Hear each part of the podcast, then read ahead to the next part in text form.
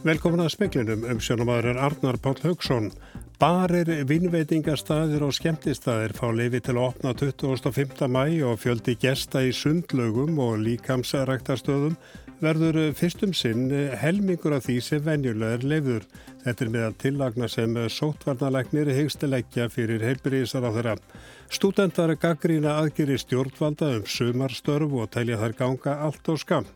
Ekki hefur verið bóðað nýri sáttafundur í kjaradeilu flugfrey og æslandir eftir að stuttumfundu í dag var slitið.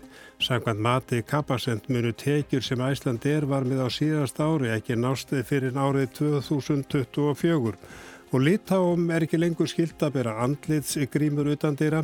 Úti veitingastæðir og kaffihúsa hafa verið opnuð og farþegarflugum millir landa hósta nýju í dag. Sótvarnalagnir leggur til við heilbriðis eða ráð þeirra að fjöldi gesta í sundlögum verði helmingur af því sem venjulega er leifður þegar sundlögur verða opnaðar á ný átjónda mæ. Það sama gildur um líkamsaræktastöðar sem má opna 25. mæ. Vonasti til að hámarsfjöldi megi fara í sund og í ræktina frá og með 15. júni. Þá leggur Þórólur Guðnarsson sóttvarnanleikni til við helbriðisar á þeirra að ringa samkomubann upp í 200 manns. Hann segir að bæði sundlaugum og líkansræktastöðum verði gert að halda tveggja metra regluna í heiðri eins og kostur er. Stemtir að því að áður en hámarsfjöldi verði leiður 15. júni verði hægt að auka eitthvað við fjölda fyrir þann tíma. Þetta er háð því að faraldurinn fari ekki á flug á ný. Engin likur nú á sjúkrahúsi með koronaviruna en eitt smitt var staðfest á Vesturlandi síðasta sólaring. Auk þess sem líkamsræktastöðar fá að opna 25. mæ. Þá leggur Þórólur það til að frá og með sama degi fái barir, vínveitingastæðir og skemmtistæðir leifi til að opna og hafa opið til hlukan 23. Hann segir að gott í apvægi hafi náðust millir sóttvarna og mikilvægi þess að koma hjólum atunulífsins í gang aftur. Við höfum talað um það að, sagt, að reyna að sveia þessa kurvu niður eins og geta þannig að er ekki mikið álag fyrir heilbríðskerfið og innviði. Okkur kannski tókst gott betur, við náðum henni alveg niður en veiran er eh, allstaðir í kringum okkur og hún er í löndum og hún er ekki að fara þaðan þó hún kannski sé ekki mikil hér. Þannig að það verður áskorun fyrir okkur að, að lifa með henni í, í alþjóðlegum heimi og það er það sem við erum akkurat að reyna að gera, að reyna að að hafa hlutina þannig, komaðum þannig fyrir að við tökum sem minnsta áhættu fyrir okkur hér innanlands en séum samt í góðum málum með okkar lífsnöðsynlegu starfsemi og, og efnahag út á það gengur þetta. Þetta var Þórólu Guðnarsson og Kristján Sigur Jónsson tók pistilinn saman. Stúdendar eru afar harðorðir í garð stjórnvalda eftir að aðgerir voru kynntar um sumarstörf og sumarnám fyrir námsmenn í dag. Stjórnvöld eru meðal annars gaggrind fyrir skilgreiningu sín á lengdi sumars sem aðeins tekur til tveggja mánuða og að þau störf sem bóðuð eru ná ekki nærrið því að mæta yfirvofandi atvinnleysi námsfólks. Meðal þess sem kynnt var í dag og búið var að bóða áður er að 2,2 miljardun króna verður variði í að búa til 3400 tímaböndin störf fyrir námsmenn. Þá ætla allir háskólalandsins og 15 framhalskólar að bjóða upp á sumarnám sem tekur frá einni og upp í tíu vikur. Lili Alfredsdóttir er mentamálar á þeirra. Það er fullt af nýjum störfum sem við vorum að kynna og mjög umfangsmikið námsframbóð í verk og tækninámi á háskólastíinu og það finnst mér mjög lofsverst að erum með um 200 leiðir eh, er varðan nám og hvernig allir hafa sett þetta saman á tiltúlega stuttum tíma. Svo er Lánasjóður Íslenska námsmanna að koma mjög vel til móts við námsmenn til að mynda að bjóða lán fyrir sumarönni og það eru líka eininga bærar þannig að þú getur flýtt námiðínu með því að fara í nám í sumar og svo líka að allir þessir aðeila séu að bjóða upp á þessi störf sem eru mjög spennandi. Sigrún Jónsdóttir er fósetti landsamtaka íslenskra stúdenta. Hún segir að um 7000 stúdentar komi út á vinnumarkaðinni sumar en störfin verði aðeins um 3400. Það er alltaf gott að sé núna komnar út og búið að kynna þess nánar útvæslu þeirra og stúndar hafa átt talsvöna þátt í mótun aðgerna síðallinar vikur og við höfum verið að leggja áslug á sköpun sumastarfa og svo rétt stúndar til aðtunlega spóta samlega því Þannig að við náttúrulega hörmum að sagt, sá réttur sé ekki hluti af aðgerðunum og höfum verið að fá talsvæða mótstöðu gagvart þessari kröfu og höfum fengið frá ríkistunni að það, þetta að vera neyðar úrræði en við teljum verið að það þurfi að fara að virka þetta neyðar úrræði strax þar sem að eh, stúdendar eru nú að fara að flikast út á eh, vinnumarkaðin og að fara að leita sér störfum. Þetta var Sigrun Jónsdóttir, hólfrýður dagni Friðjónsdóttir, í talaði hana og Lilju Alfredsdóttir og Kristján Sigur Jónsson tók saman. Bjarni Benditsson, fjármála og efnahagsráð þeirra, segist engar ávíkjur hafa því að ekki tækist að tryggja flugsamgöngur til skemri tíma þótt björgunarleðangur fósfarsmanna Æslandi er gangi ekki upp. Stóra verkefnið er þá að byggja upp nýtt flugfélag. Þetta sæði fjármálaráð þeirra á alþingi í dag. Þorkjuru Katrín Gunnarsdóttir, formadur viðreysnar, spurði hann út í flugsamgöngur í óundurbúnum fyrirspurnum alþingi við upp af þingfundar. Þorgiru spurði hver áallun stjórnvalda væri ef illa færi. Það er vondur kostur í þessari stöðu, það er til verri kostur í þessari stöðu og það er til versti kosturinn í þessari stöðu. Mestu skiptir hins vegar fyrir okkur að inn- og útflutningu sé tryggður og að tengslokkar við umheiminn séu óslitinn, nægar nú óvissan. Ég hef engar áhyggjur af því að til skams tíma sé ekki hægt að tryggja flugsamgangur til landsins. Það er hægt að gera eftir margvíslegum leiðum. Stóra verkefni sem við okkur sameiginlega blasir hins vegar þá, mistakist þessi tilraun, eh, er að byggja að nýju upp félag sem getur sinnt þessu mikilvæga hlutverki eh, með eh, Keflavíkur flugvöll sem tengi flugvöll um Norður Allandshafið. Og það hljóta að koma margar sviðsmyndir til skoðunar í því samhengi og vonandi þá borðnar uppi af þeim sem ætla að koma með fjármagninu það úr enga geranum. Þetta var Bjarni Benditsson. Ekki hefur verið bóðað nýr sáttafundur í kjaradeilu flugfrei og æslandir. Stuttum sáttafundi í dag var slitið. Guðlu Lín Egi Jóhannsdóttir formaður flugfrei félagsins segir að á laungum sáttafundi í gær hafi tilbúið flugfreiða sem lagt fara fram 4. mæ verið rætt. Í dag að þá taldi samningarnefnda Íslandir uh, sé ekki færa um að ræða á þeim grundvöldi að svo stötti. Flugfreyjur hafa sagt þvert neyfi tilbúði sem Æslandi er laði fram. Það fel í sér 20-28% lækkun á launaleinum og það fel í sér launafristingu fram til oktober 2023. Sem þýðir að þessi hópur er því af öllum þeim hækkunum sem gerast á almennu merkaði. Ásamt því að inn í förstum launum er aukin vinnuskylda. Svo í þriðja lagi er í rauninni Eh, mikil eh, afturþör varðandi reglur um kvild og vakttíma sem eh, er þá inn í þessari hildar skerðingu sem við tölum um upp á 20%. Hún segir að tilbóðu flugfreyja fel í sér launalækun það gerir áþyrir að gerður veði langtíma samningur. Já, það felur í sér langtíma samning umfram þá samninga sem eru á almennumarkaði með launahækkunum sem eiga í rauninni bara að halda yfir kaupmátt. Einnig eru þetta uh, langtíma hagraðing á ákveðnum hlutum í samningi og svo erum við með uh, ákveðna tilslaganir sem eiga að gera það verkum að hjálpa fyrirtækinu yfir þetta óvissu ástand sem nú ríkis. Þetta var Guðlu Línei Jóhannsdóttir. Stjórnvöldi í Litáin hafa afleitir í skildu að landsmenn eh, séu með andliðsgrímur utan dýra. Úti veitingastæður og kaffihús hafa verið opnuð og millilandaflug og hósta nýju í dag. Sólus Skvernalis fórsætti sér á þeirra tilkynnti á frettamannafundi í dag að grímuskildan hefði verið afnuminn. Einungis væri mælt með því að fólk hefði grímu fyrir vitónum. Fólki ber þó að vera með þær í almenningsfarartækjum og þegar það fyrir verslanir og á markaðinn. Útiveitingastæðir og kaffihús hafa þegar verið opnuð frá með næstu viku megaveitingamenn einnig hafa opið innan dýra. Síðar í þessum mánuði er stemt að því að skólahald hefjist að nýju að sögt fórsætis ráþarans. Hann greindi einnig frá áformum um að hefja áallunarfluga nýju en það hefur leiðið niður í síðan um miðjan mars. Fyrsta millilandaflugið var reyndar farið í dag þegar farþega þótt að kom frá Frankfurt í Þískalandi til Vilnius með rúmlega 150 manns. 2,8 miljónir búa í Litáin. Þar hafa til þessa greinst 1505 koronaviru smitt. COVID-19 hefur dreyið 54 til dauða. Áskir Tómasson saði frá.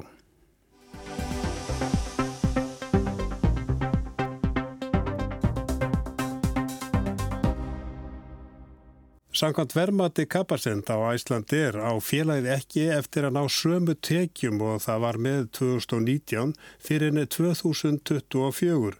Nýðurstaða kjærasamninga skipti miklu máli fyrir framtíð félagsins og virði þess. Það er nokkuð ljóst að fluggerinn er að glíma við verstu kreppu sem riði hefur yfir í þessum gera. Það við um nær öllu flugfjölög um allan heim. Samtrátturinn í flugi er mikill. Framkemur á vefnum turisti.is að fyrstu fjóra mánuði ásins hafi farþegum sem fórum flugstöðleifs Eiríkssonar fækkað um 53%. Á þeim tíma fórum 990.000 farþegar um flugstöðuna með að við rúmar 2 miljónir á sama tíma 2018. En þetta segir ekki alla söguna því staðan í mars og april er ekki glæsileg. Farþugum fækkaðu með 63% í mars og um 99% í april. Þá fór aðeins rúmlega 3000 farþegar um flugstöðuna. Snorri Jakobsson, hagfræðingur hjá Kappasend, segir að ástandið sé mjög alvarlegt. Langflest flugfélög eigi vanda, tekju samtrátturinn er síðan bylnu 70 til 90%.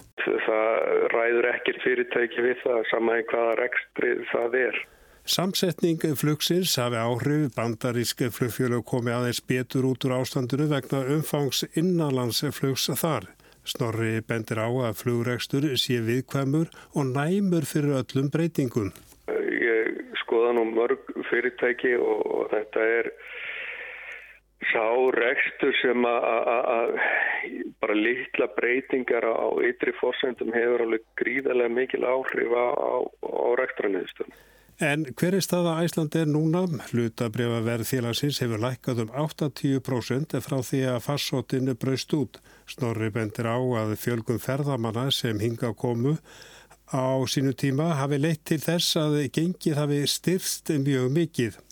Sem leitt til þess að stærsti kostnæðaliður Æsland er sem er launakostnæðarinn hækkaði mjög rætt og ná þetta þá var náttúrulega mikil eftirspiln eftir starfsfólki í fluggeranum svo að það var mikil launaskrið svo að þessi liður var kannski svona hálf stjórnlaus. Svo náttúrulega bætist þetta við að, að, að það verður náttúrulega svona hálfgjört tekjur hrun þetta er svona spurning svolítið þessi fjárfæstur að leita er eftir svona þessi betri stjórn á hlutun fjárfæsta kannski snúðum sem eru flugmál og það hefði fjárfæsta svolítið á tilfinninguna eins og þú væri flugvel sem væri hálf stjórnlaus og svo þegar hún missir aflið að hluta að þá vilja fjárfæstar að það sé meiri og betri stjórna á hlutunum svo að það sé hægt að, nöðlenda velinu og jáfnveg kannski að, að leta á, á, á þingdini.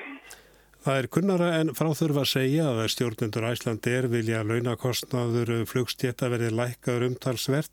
Það sé krafa fjárfesta og líkilatriði til að vantalegt hlutafjárútbóða nái fram á gangan.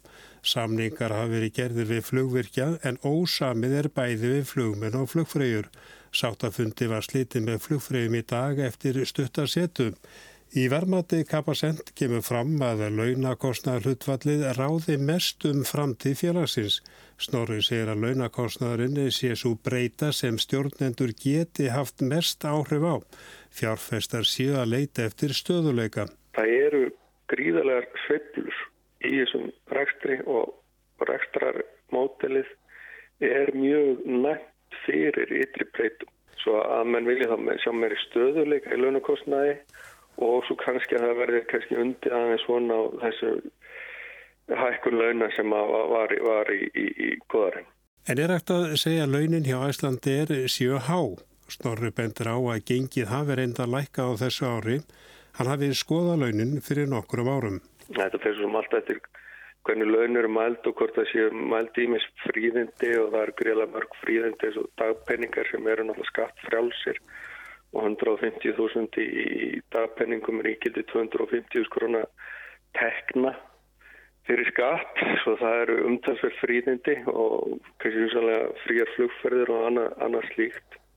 Svo að svona þegar ég skoða þetta þá því miður að þá syndist mér þá var samverðu sérfur að, að laun í Æslandi er hafið svona almennt yfir línuna og þess að falla um ákvæmna stjættir og, og það var, var launakostnaðurinn og, og launin frekar há, mér er segja samanverið við flugfélagins og SAS sem að kannski við viljum bera okkur við saman við. Það hefur verið að renna upp fyrir fólki að kórnukreppan mun vara mun lengur en tali var í uppafið. Í vermati kapasentið kemur fram að Æslandir eigi ekki eftir að ná tekjunum sem það hafði í 2019 fyrir nárið 2024. Þessi skopparabólta sviðsmynd sem kannski var sett fram fyrst að, hún alltaf er ekki rauna þannig að allt væri komið í fínt lag en eftir einhverja 5-6 mánu það sem náttúrulega gerist er að fjöldi fólksmissi vinnuna tapast gríðarlega fjármunni það verður rosalega röskun á öllum, öllum framlegsluferlum og, og, og svo framvegs og það tekur bara tíma að byggja það upp og, og svo er heimsækkerfið er meira eins og oljuskip og þannig að lendiði í ákveðnum áreikstri og það tekur ákveðnum tíma að snúa því aftur við og og menn er að tala um alltaf þessi veir að verði kannski næstu í, í gangi og hafa áhrif á samfélagi næsta ári. Svo að við munum kannski sjá, sjá viðsnúning á, á hérna næsta ári en það verður kannski í líkingu við höggi sem við fáum á okkur núna. Svo að það mun taka einhver ára að byggja upp bara líka ferðarþjónustun aftur. Þannig að líka hætti það að fólk sé ekkert að fara hérna eins mikið í ferðalög að það eigi peninga einfallega verna þess að fólk er hættum að síkjast sko á koronaværinu. En hversu mikilvægt er það að Ísland eða Íslendingar eh, já, séu með fyrirtæki flugfélag eins og Ísland er? Þetta er náttúrulega stór hluti af reynilega útflutningstekjum Íslandinga og núna eftir hún er þetta eitt svo allra stæsti og mikilvægasti og það er afskaplega erfitt að vera háður öðrum aðlum hvernig þeim hugnast að fljúa til og frá landinu og, og, og það var náttúrulega mjög erfitt að vera með hennan stóra lið og hann sé sem bara svolítið upp á náð og miskun erlendra flugfélaga þar. Þetta var Snorri Jakobsson.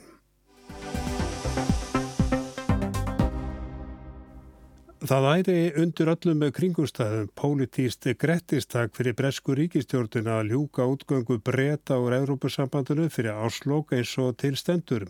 En brexit á tímum COVID-19 verunar er hálfu erfiðara verk en ella inn í þetta fléttast samband breyta við bandaríkin og umheiminn. Meðan önnur Evrópríkin nota alla sína orku í að verjast regalegum heilsufars og efnarsáhrifum COVID-19 verunar hefur breskastjórnin einnig við annað stórmála etja, Brexit. Útgöngu breyta úr Evrópussambandinu er fjarið því lokið. Loki janúarmunið, þá var heimurinn annar og Boris Johnson, fórsætsráður að breyta, sá framtíðina í hyllingum þegar komaði að breytar yfirgáðu ESB formlega eftir 47 ára aðild. Tonight we are leaving the European Union. For many people this is an astonishing moment of hope, a moment they thought would never come. Í kvöld yfirgefum við Evrópusambandið. Fyrir marga er þetta undursamlegt andartak vonar andartak sem þeir heldu að aldrei kæmi, sagði fórsætsráþurra. Johnson varð fórsætsráþurra í júli eftir að Brexit varð pólitískur banabiti flokksistur hans Theresa May. Í kostningum í desember hlaut Johnson tryggan þingmer hluta og Brexit leiðin virtist bein og breið. Allt virtist svo auðvelt þetta janúarkvöld.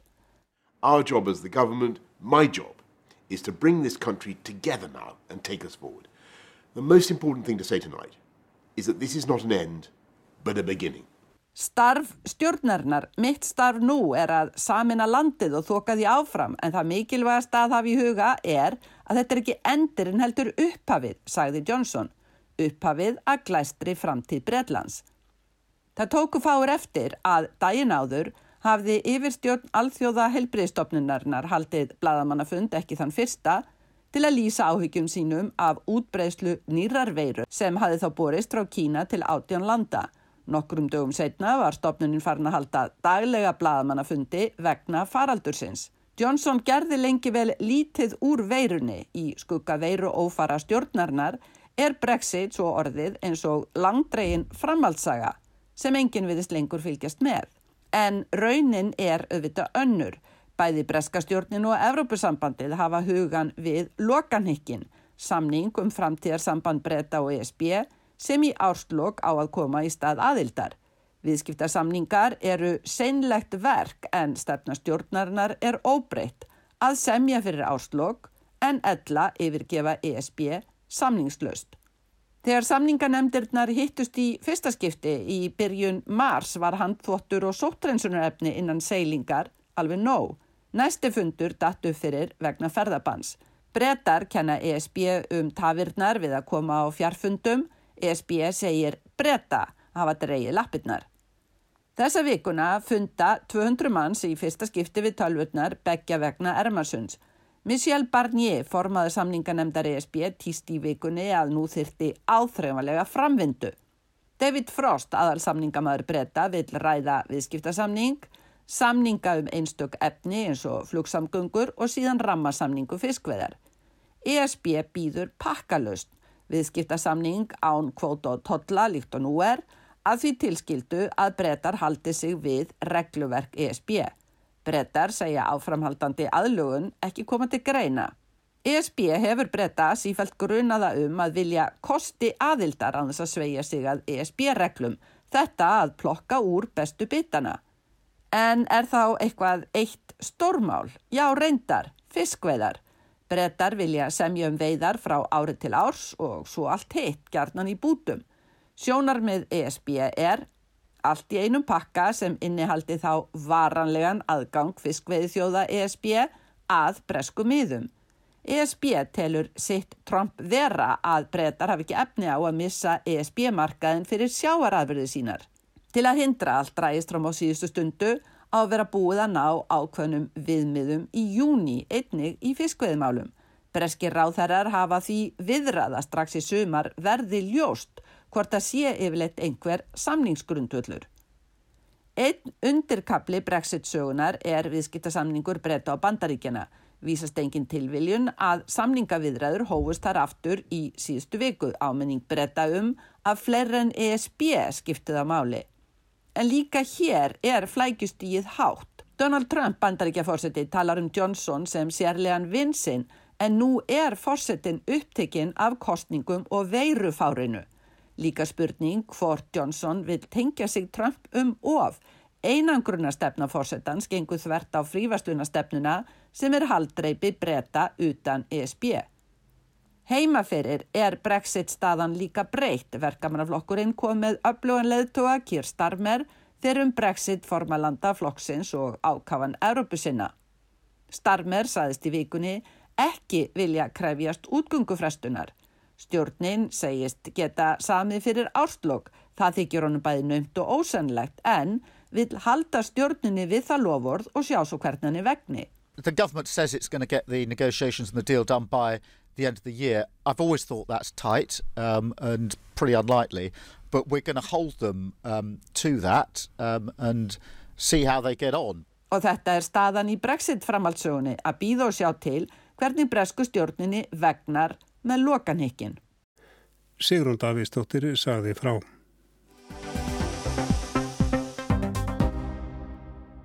Sænsk stjórnvöld hafa ákveð að veita fjölmjölum stuðning vegna COVID-19 sem nefnur 7,5 miljardi íslenskara króna. Stuðningur Dana er tæpir 4 miljardar og Normana um 4,3 miljardar. Alþing gefur samtíkt að vari verði 400 miljónum króna til að styrkja engarekna fjölmjöla hér á landi. Breið samstafa var á danska þinginum að nöysilegt væri að stiða við baki á fjölmjölum sem hafa orðið fyrir talsverðum tekjumissi vegna minni auglýsingatekna. Fyrsta april var samþyktur sérstakur aðgerapakki vegna stöðunar á fjölmjölamarkaði í Danmarkum. Hann gildir frá 9. mars til 8. júni og snýst um að ríki greiði hlut af auglýsingatapi fjölmjöla.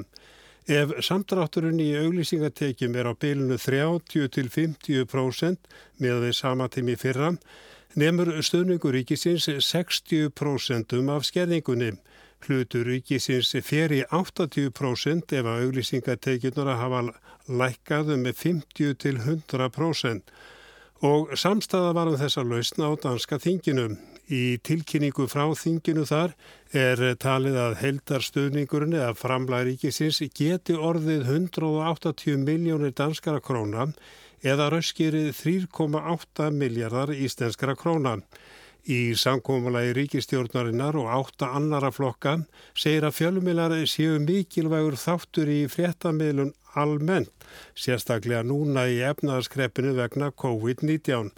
Mikilvægt sé að framfari líðræðisli umræðan, þess vegna skipti máli að fjölumiljar starfi áfram í þrengingunum sem nú erum og að þeim loknum og viðbröð af halvu fjölumila í Danmörku hafa almennt verið góð en margir benda á að þörsi á vítækari aðgerum vegna COVID-19.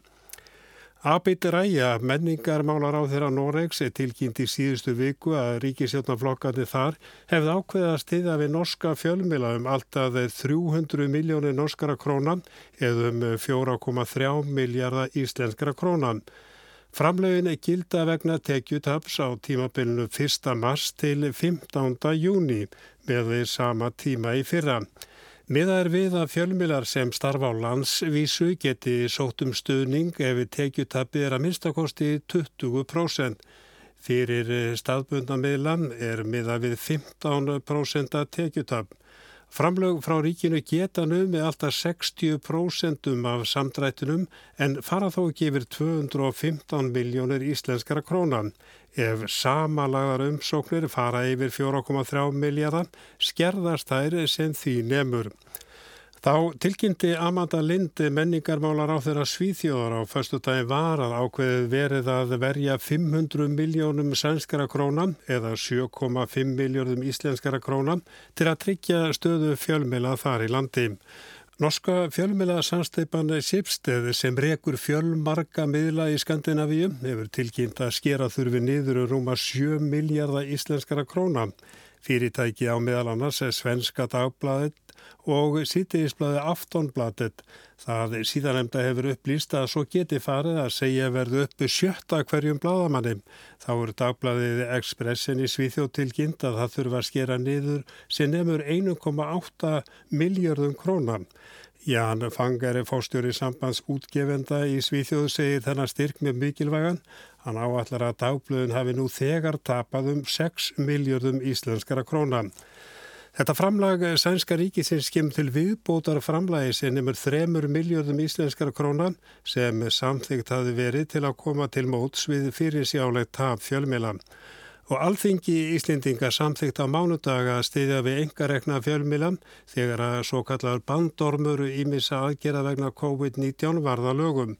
Uppálega var gert ráð fyrir að heildar uppaðin er því 350 miljónu krónan en hún hefur verið hækkuð í 400 miljónir. Menta og menningamálar á þeirra mun á næstunni gef út reglugerðum hvernig staði verður á útlutunni. Rekstur engareikina fjölmila hefur verið þungur um tíma en framlag ríkisins er fyrst og fremst til að milda tekjutabi sem orði hefur vegna COVID-19. Rekstrarstyrkurinn er ætlaður fjölmjölum sem miðla fréttum og fréttatengtu efni. Skilir þið vera meðal annars þau að fyrirtæki séu ekki vanskilum vegna skatan. Og í speklunum sögðuðu meðal annars frá því að barir, veitingarstaðir og skemmtistæðir fá leifi til að opna 25. mæ og fjöldi gesta í sundlögum og líkamsaræktarstöðum verður fyrstum sinni helmingur af því sem venjulega er leifður. Þetta er meðal tillagna sem sótvarnalegnir hegst leggja fyrir heilbyrðisar ráþöra. Og stúdendar gaggrína aðgeri stjórnvalda um sumarstörf og til að þær gangi allt of skamt. Ekki hefur verið búið að nýri sattafundur í kjaradeilu flugfreyja og æslandir eftir stuttanfund í dag, eh, í dag, í dag sem var slitið og við lítum aðeins til veðurs að hægari vindur á norðaverður landin á morgun og stýttur upp þar e, þegar kemur fram á daginn gengur í norðan 5 til 10 annað kvöld en landið um landið norðan og austavert með þurru veðri og kólnan. Það er ekki fleira í speklunum kvöld, tæknumar var Martin Martinsson, verið sæl.